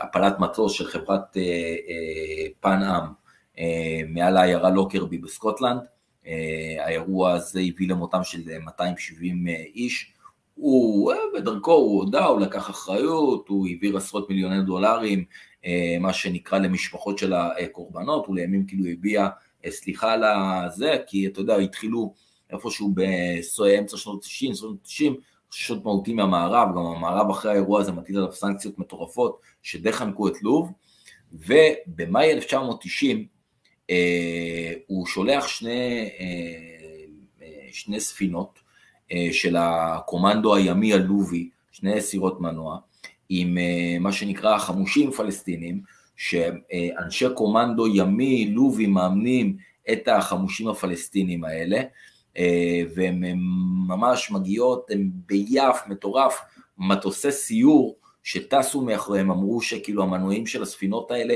היו, הם פשוט טסו לכיוון החוף, הצליחו אה, בסופו של דבר אה, לסכל את הפיגועים שהם תכננו, הם הגיעו, חבר'ה האלה הגיעו חמושים, מה שנקרא מכף רגל ועד ראש, עכשיו מספר טייס הסיפור, הסיור אוקיי? שטס מאחורי מעל, מעל אחד מספינות המנוע האלה, אה, לא רחוק מהחוף באשקלון, או יותר נכון מהחוף בניצנים, הוא מספר שאנשי אה, המחבלים רעטו את היף של המטוס מעליהם ונופפו לו לשלום. הוא אמר, רגע, רגע, מה קורה פה? ממתי אנשי קומנדו ימי, אנשי שייטת 13, שהם רואים סיור אה, צבאי מעליהם של חיל האוויר מנופים לשלום. זה לא, זה לא, לא מקובל. ואז כאילו זה הדליק נורה אדומה, שהחבר'ה האלה כאילו משהו, הם לא מכירים משהו בתרבות הצה"לית. אנשי קומנדו ימי באימונים לא נופפים לאף אחד לשלום. אה, כלומר אנשי שייטת 13.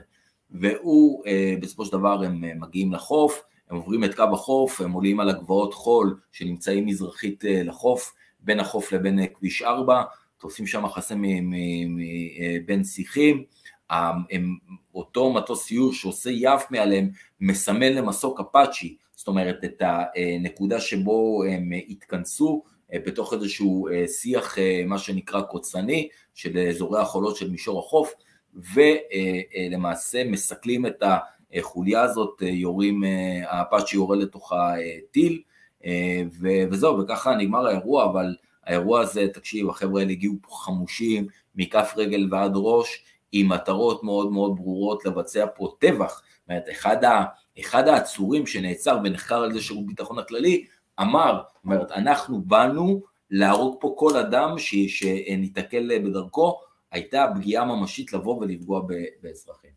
אז תשמע, קדאפי עצמו, הוא גם, אני אומר, חלק מה, מהזהות, מהדמות, העובדה שהוא נתן אכסניה לארגוני טרור בביתו, ותמיכה כלכלית אה, מטורפת, כי אתה יודע, כל מה שנוגע לטרור, תמיד הכלל מספר אחד זה follow the money, תעקוב אחרי הכסף, תבין מה מקורות, מה מקורות המימון של טרור, כי להפיק פיגועים עולה הרבה מאוד כסף, אה, וזהו, זה ככה.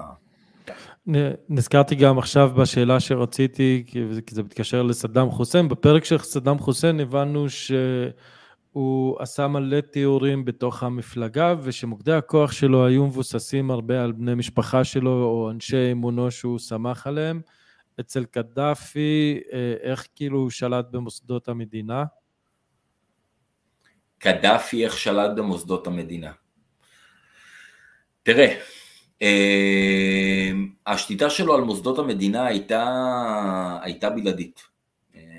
כלומר, תראה, העניין הגדול עם קדאפי מהעלייה שלו לשלטון, הוא לא הכריז על עצמו כאיזשהו מנהיג רשמי של לוב. אתה יודע, הוא גם מספח לעצמו את התואר אה, של המנהיג, האח, המדריך הרוחני, המורה, אתה יודע, כל מיני, כל מיני הוא, הוא אף פעם לא דיבר, כשבאו, אתה יודע, מה שנקרא, הם, הם, הם מורדים להפיל אותו בשלטון, הוא אמר להם, הוא אומר, אותי אתם באים להפיל מהשלטון, הוא אומר אני בכלל לא מנהיג המדינה, אין מה להפיל אותי. הוא תמיד הסתתר מאחורי זה שהוא לא באמת המנהיג הרשמי שלו, היה גם איזשהו עניין מאוד גרוטסקי מבחינה פוליטית. אה, אבל השליטה שלו בסופו של דבר על מנגנוני המדינה הייתה שליטה מוחלטת. זאת אומרת, גם על, ה, גם על הכוחות המזוינים, גם על הצבא, גם על שירותי הביטחון. וזה בעזרת השבט שלו, כאילו? איך קוראים לזה? לא, הוא בניגוד לסדאם חוסיין נגיד, שמה שנקרא קידם את בני השבט שלו מתקרית, מאלוג'ה, ואתה יודע, ומינה אותם להמון, להמון משרות בכירות בתוך השלטון, כמו עלי חסן מג'יד, עלי כימיקלי שדיברנו עליו פעם, זה, אצל קדאפי זה לא, לא היה, כן בהקשר של הבנים, הבנים זאת אומרת היו הנאמנים הבולטים שלו, בעיקר סייף אל-אסלאם שהיה מה שנקרא הבכיר, והוא, הבנים נשאו במשרות, חלקם היו מוכשרים יותר, חלקם מוכשרים פחות וכדומה, אז אם מהבחינה הזאת אם אתה שואל זה באמת היה רק הבנים, זאת אומרת בוא נגיד באנלוגיה לסדאם כמו אודאי וקוסאי לצורך העניין, אבל לא, תראה הוא לא, הוא לא הגיע אתה יודע, אומנם הוא היה, הוא צמח בתוך, ה, בתוך שבט, שבט הקדפיה, אתה מבין? שבט לא קטן, אבל הוא לא, זאת אומרת, בניגוד נגיד לסדאם, אם סדאם, אתה יודע, הביא את הבני דודים או את האחיינים או את הזה, והכניס אותם לתוך משרות בחירות בתוך המשטר, אצל קדאפי זה לא היה קיים, הוא שמר את זה מאוד מאוד סגור, אה, וזאת אומרת, אה, הוא... סוציאליסט. כן, הוא שמר את זה מאוד סגור, הוא, הוא נתן שורה של משרות בחירות באמת לבנים שלו, אה, הוא שמח יותר, יותר מכולם על סייף אל-אסלאם שהוא ראה בו מה שנקרא. שגם הופתעתי שסייף אל-אסלאם אחרי שהוא מת עדיין uh, התמודד לבחירות והוא עדיין משחק... כן, כן, כן, כן, הוא עדיין במשחק הפוליטי סייף אל-אסלאם. מפתיע אותי שלא הוציאו אותו להורג אגב, ש... כן, כי שצריך לדבר רגע על אנשים, בסיפור של קדאפי. יאללה.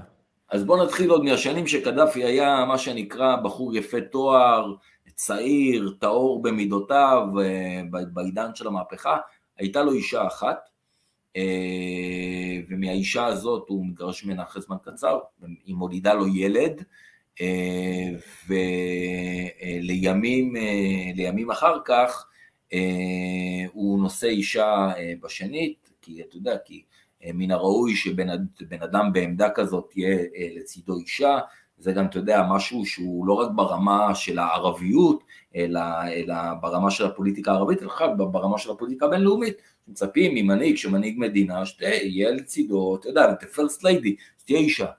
אבל, תשמע, קדאפי עצמו, אה, שהוא היה מסתובב ברחובות טריפולי, אה, עם, עם השומרי ראש שלו, עם השומרות ראש שלו, הוא היה אה, מסמן, אה, הוא היה רואה איזושהי נערה אה, שעוברת, נערה מה שנקרא טובת מראה, הוא היה מסמן אותה, היא הייתה, היו חוטפים אותה, הוא, היו מביאים אותה לארמון שלו בטריפולי, הוא היה מבצע ב, ב, ב, לא מקרה אחד ולא שתיים, נערות האלה מקרי אונס ברוטליים, מזעזעים, הוא החזיק בתוך הארמון בטריפולי, אוקיי, קליניקה שעושה הפלות, אוקיי? כי היה חשש, כי הרי היה חוק אה, בלוב שאסר על, על הפלות, תפיסה נורא כזה, אתה יודע, שמרנית, קונסרבטיבית, קתולית כזאת, והוא החזיק, אה, למרות חוק המדינה, שהוא עמד מאחוריו, כן? אה, הוא החזיק אה, אה, למעשה אה, אה, קליניקה אה, שהם היו אה, כביכול מטפלות בנפגעות המין שלו, חלקם היו, הוא, אה, את חלקם הוא היה אונס ושולח אה, אחרי מה שנקרא טיפול בקליניקה, אה, הוא היה שולח אותם מהבית, אבל את חלקם הוא החזיק, כאלה שהוא אהב לצורך העניין, אה, או חיבב, הוא החזיק אותם כשפחות מין אצלו בארמון, זה לא משנה, בארמון בטריפולי, וזה לא משנה שהייתה לו אישה וכדומה שהייתה, ידעה היטב על כל המעשים החולניים שלו. עכשיו בהקשר של המזונות, אוקיי, של מה שנקרא, של אותם נשים אפריקניות משבט, משבטי הטוארג, אה, שפעלו כשומרות ראשו, הן היו מחויבות להצהיר על הבתולין שלהם לפני הכניסה לתפקיד, הן היו עוברות הכשרה כשומרות ראש, אתה יודע, אה, שימוש בנשק, ירי באקדח ברמה הכי מקצועית, קרב מגע וכדומה, כל מה שלומדים בהכשרות של שומרי ראש, אבל מעבר לזה, הן היו חייבות גם להצהיר עצמן כטהורות, כבתולות, ולימים אחרי זה, אחרי נפילת השלטון, צצו סיפורים מחמירי לב, שחלקם גם פעלו כשפחות מין. חלקם היו נשים, אתה יודע, שנבחרו על פי אופיים, גם נשים, אתה יודע, מה שנקרא אפריקניות, אבל נשים, אתה יודע, במידות טובות, סקסיות כאלה וזה. הוא בחר אותם, חלקם, אתה יודע, פתחו על זה שהם עברו מה שנקרא התעללויות מיניות, גם על ידי קדאפי עצמו, וגם אחרי זה לימים על ידי, על ידי בנים ומקורבים של קדאפי. כן. מזעזע. מזעזע. אגב, קדאפי, שהוא הבין שהוא הולך לסיים את הסיפור שלו בלוב, והוא ניסה לייצר לעצמו דרך מילוט, הוא פנה אה, לעיתונאי יהודי צרפתי, אה, ממוצא, אה, ממוצא טריפוליטאי, הייתה קהילה יהודית אה, לא מבוטלת בלוב, אה, בחור בשם גייס אה, שיטבון, ואותו שיטבון, אה, הוא אמר לו, אני מבקש ממך שתפנה לממשלת ישראל, אני רוצה לקבל מקלט בתל אביב. הוא רצה לקבל מקלט בתל אביב, אחי, לא פחות ולא יותר, יעני. תשמע, הוא היה הזוי, אחי. הוא היה, הוא היה, תשמע, הוא היה הזוי, הוא לא היה מחובר למציאות במאה אחוז תמיד, אתה מבין?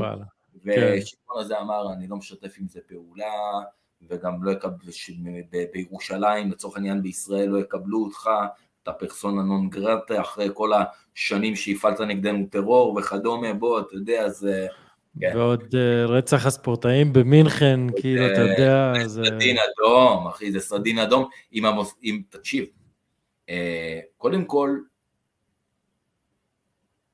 שלחו מה שנקרא סוכני מוסד, כדי להתנקש בחייו של איזשהו בכיר שהיה מקורב לקדאפי. Uh, נכנסה מה שנקרא לוחמת מוסד בשם סילבר רפאל, אה, גאווה, היא מחולון כאילו, אה, היא אותו סילבר רפאל, אה, נכנסה לשם מה שנקרא תחת כיסוי של עיתונאית, עיתונאית מה שנקרא עיתונאית בינלאומית, צלמת עיתונות, היא נכנסה עם. נראה לי בזהות קנדית היא נכנסה, אם אני... כן, לא בזהות קנדית, תחת זהות קנדית, בדיוק, היא נכנסה עם עוד לוחם מוסד אחד שהיא פגשה אותו בנפולי, נפולי קרובה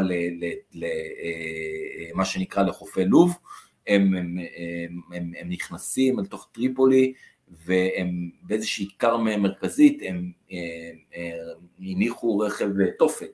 ואז שהם הבינו שיש שם איזשהו יום חג סביב הכיכר הזאת, איזשהו אירוע והרבה דוכנים והרבה תנועה של אנשים, הם לא רצו מה שנקרא לפגוע בבלתי מעורבים בחפים מפשע והם חותכים מהסיפור הזה והם מסיטים משם את רכב התופת כדי שלא תהיה פגיעה באזרחים ויוצאים החוצה מלוב.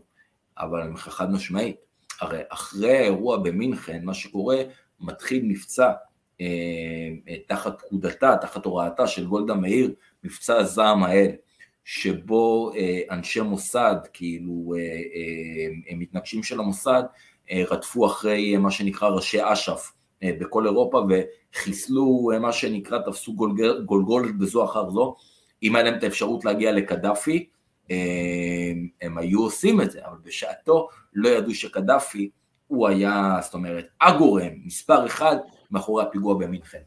כי הגרמנים לא שיתפו פעולה וטייחו. תשמע, ו... לימים אמרתי, התפרסמו דוחות פתולוגיים, דוחות בליסטיקה, דוחות כלכליים, אתה יודע שיצרו תמונה שאמרו, תשמע, הבן אדם, הבן אדם, הדמות שעומדת מאחורי הפיגוע הזה, היה קדאפי. ועוד חמישה מיליון דולר, כמו שאמרתי, שהוא העביר לערפאת, אחרי הפיגוע במינכן. והוא עוד רצה להגיע, הוא עוד רצה להגיע לתל אביב, אחי. כן, זה ביחתל קטילו בימשי פיג'נסטו, מה שנקרא, או לסתחו מתו, זה להרוג את הנרצח וללכת אה, בהלוויה שלו, מה שנקרא. כן. אה, אין גבול לחוצפה.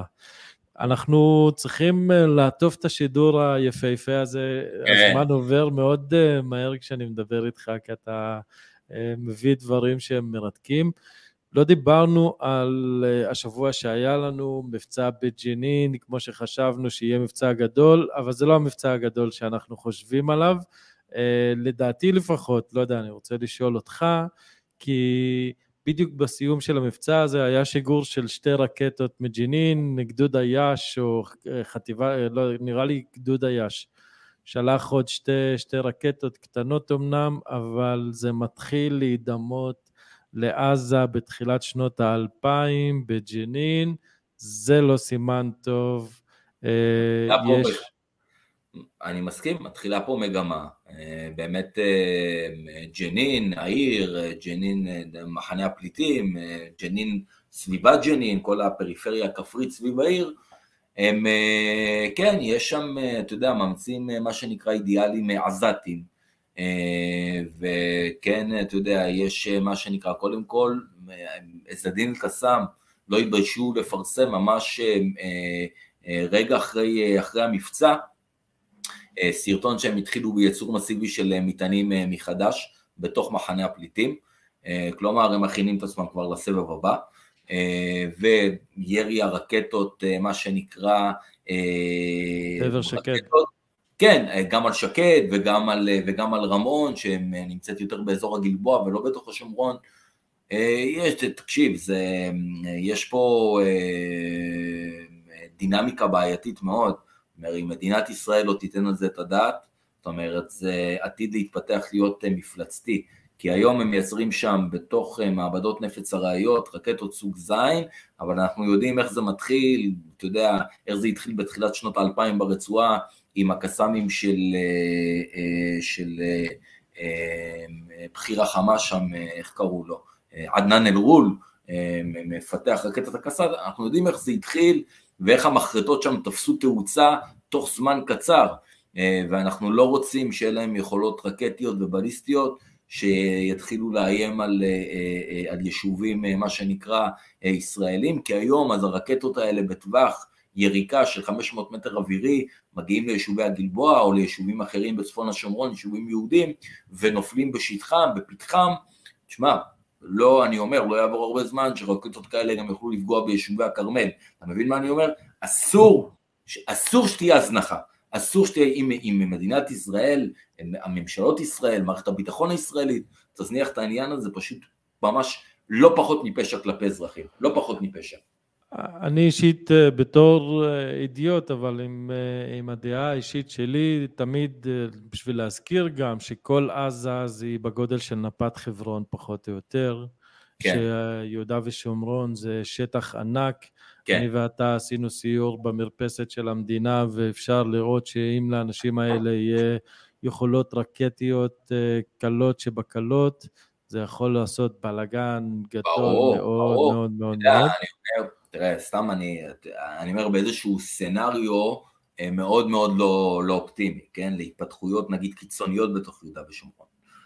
לצורך העניין, אה, תחשוב שהם אה, משיגים עכשיו רקטות, מה שנקרא יכולות רקטיות מתקדמות, אוקיי, בסיוע של איראן, בסיוע חיזבאללה, אנחנו, אנחנו מכירים את הגורמים שיכולים, אתה יודע, להנפיק את הידע, להנפיק את הכסף וכל מה שצריך, או בחמאס עזה וכדומה, ותאר לך שהם לצורך העניין, הם יורים ממערב השומרון, מהאזור של המרפסת של המדינה, מה שנקרא מהאזור של גוש ארורה, יורים לכיוון, אה, לכיוון שדה התעופה לוד, בסך הכל מדובר על מרחק של 11 קילומטר, זה למעשה פיגוע אסטרטגי נגד אחד המתקנים הכי חשובים של מדינת ישראל, אוקיי? כן. אם האזור הזה יהיה פתוח, אה, לא יודע מה, לכל מיני, אה, לכל מיני טרוריסטים, שיהיה להם אפשרות, לא יודע מה, ליירט טילי נ"מ, מטוסים שנמצאים בהליכי המראה, אוקיי? ולפגוע במטוסי נוסעים, שמע, זה משהו שיכול לשתק מדינה שלמה. זה לא, תקשיב, זה לא צחוק, יהודה ושומרון, בסופו של דבר, אני אומר תמיד, ולא שאני, אתה יודע, מזוהה עם ההתיישבות וכאלה, אני לא מדבר מתוך איזשהו מקום פוליטי, מדבר מתוך מקום של נטו ראייה שהיא אה, אסטרטגית.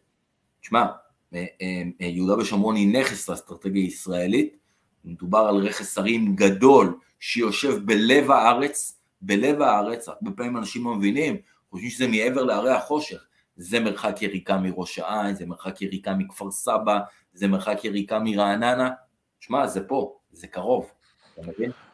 אני, אני חושב שבזירה הפלסטינית, ועם זה אני רוצה שנסיים את השידור, אבל להגיד ש...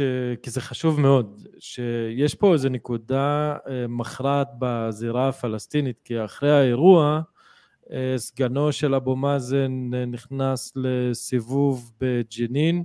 מחמוד אל-עלול, ועזם אל-אחמד.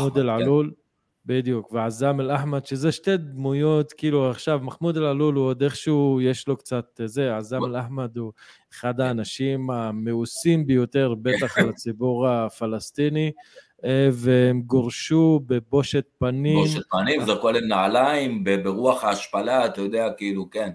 מחמוד אל-עלול זה מישהו שטוען לכתר של אחרי אבו מאזן. נכון. האירוע הזה מחייב את אבו מאזן אה, להגיע מרמאללה למחנה הפליטים בג'נין, הגיע אתמול במסוק נכון. ירדני, כי קשה לו לעשות את הנסיעה הזאת באוטו כנראה, אה, ו... אבל הוא היה צריך לעשות את זה בגיבוי מאוד גדול של אנשי ביטחון של הרשות הפלסטינית. שוב אני אומר, יש פה איזה משהו שדומה יותר ויותר לעזה בראשית שנות האלפיים, כי הכיסא של, של הרשות הפלסטינית מתנדנד, ואני לא בטוח עד כמה יש להם אהדה ברחוב, אבל זה לי בתור צופה מהצד. אין להם, ו- ומחנה ג'נין יישאר אקס טריטוריה, שלא יהיה לך טעות.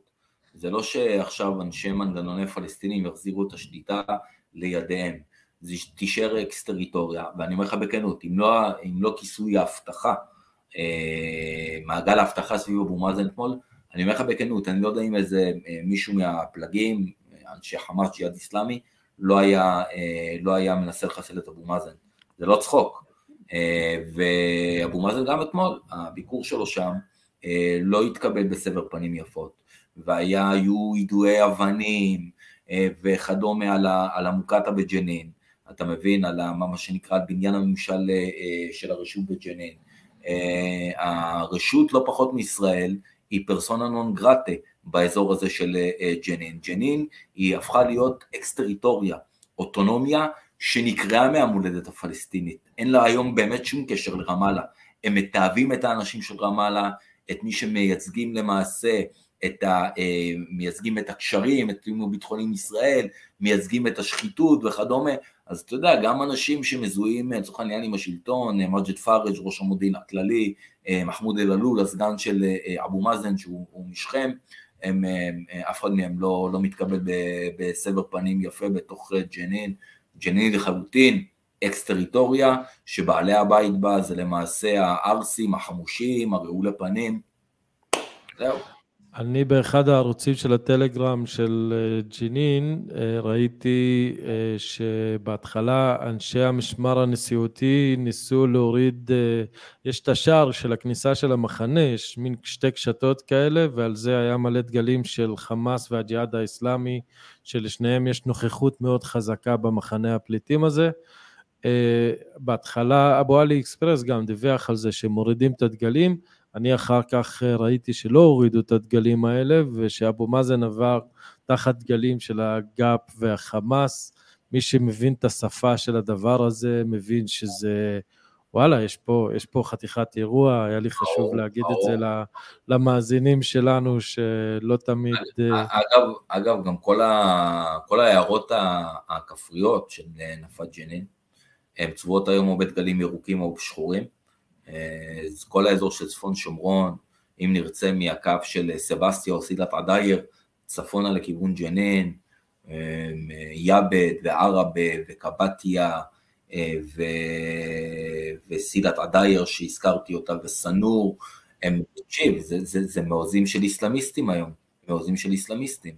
אין פה, הרשות לא שולטת ב, ב, ב, בכל המרחב הזה שהוא מרחב די גדול, אמנם ג'נין היא יחסית נפה קטנה מבחינת סדר גודל האוכלוסייה, 250 אלף איש בכל הנפה, זה לא נפת חברון של, אתה יודע, מספרים אסטרונומיים של 600-650 אלף איש, אבל אה, עדיין, אתה יודע, וזה מדהים, כשאתה בוחן את זה, אתה רואה שהפריפריות הגיאוגרפיות, אוקיי, אה, אין לה רשות באמת אה, משילות שם, לא במרחב של, של חברון, במרחב של ג'בל חליל, של כל המרחב דרומית לחברון, שנקרא, מה שנקרא במקורות היהוד, היהודאיים דרומה, אה, ולא במרחב של צפון השומרון, אין לה, אין לה באמת, היא לא מחזיקה שם משילות.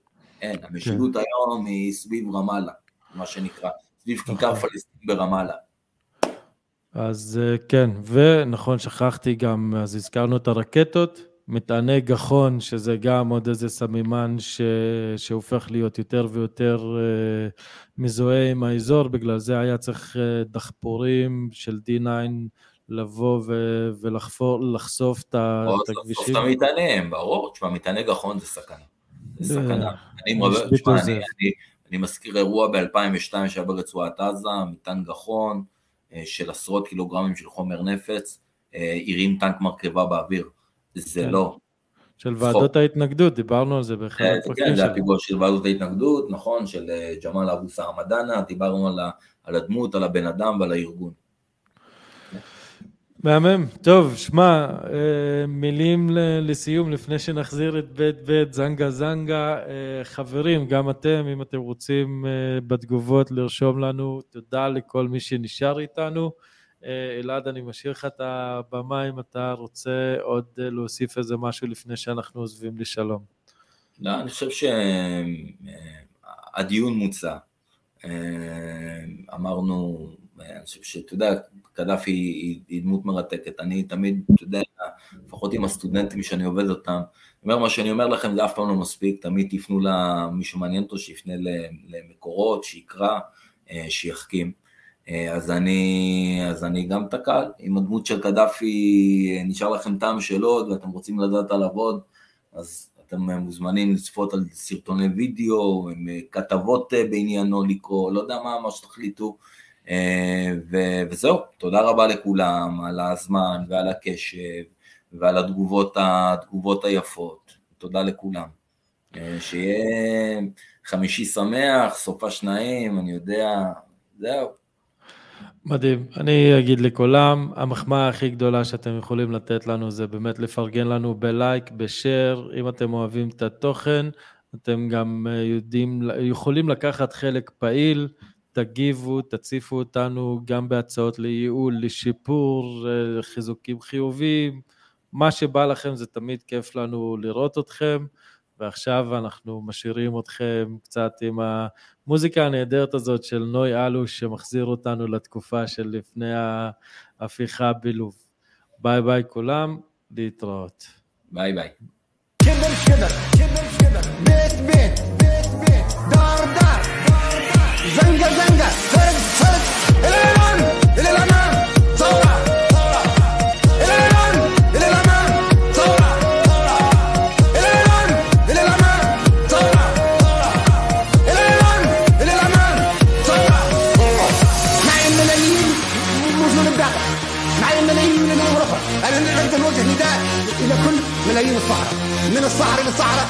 حتضحك الملايين. الملايين تضحك. وما يبدا حد يوقفها بسرعة بسرعة. معي الملايين موجود الداخل.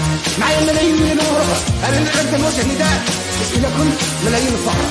من الصحراء للصحراء. حتضحك الملايين الملايين تضحك. وما يبدا حد يوقفها بسرعة بسرعة. كبر كبر. بيت بيت.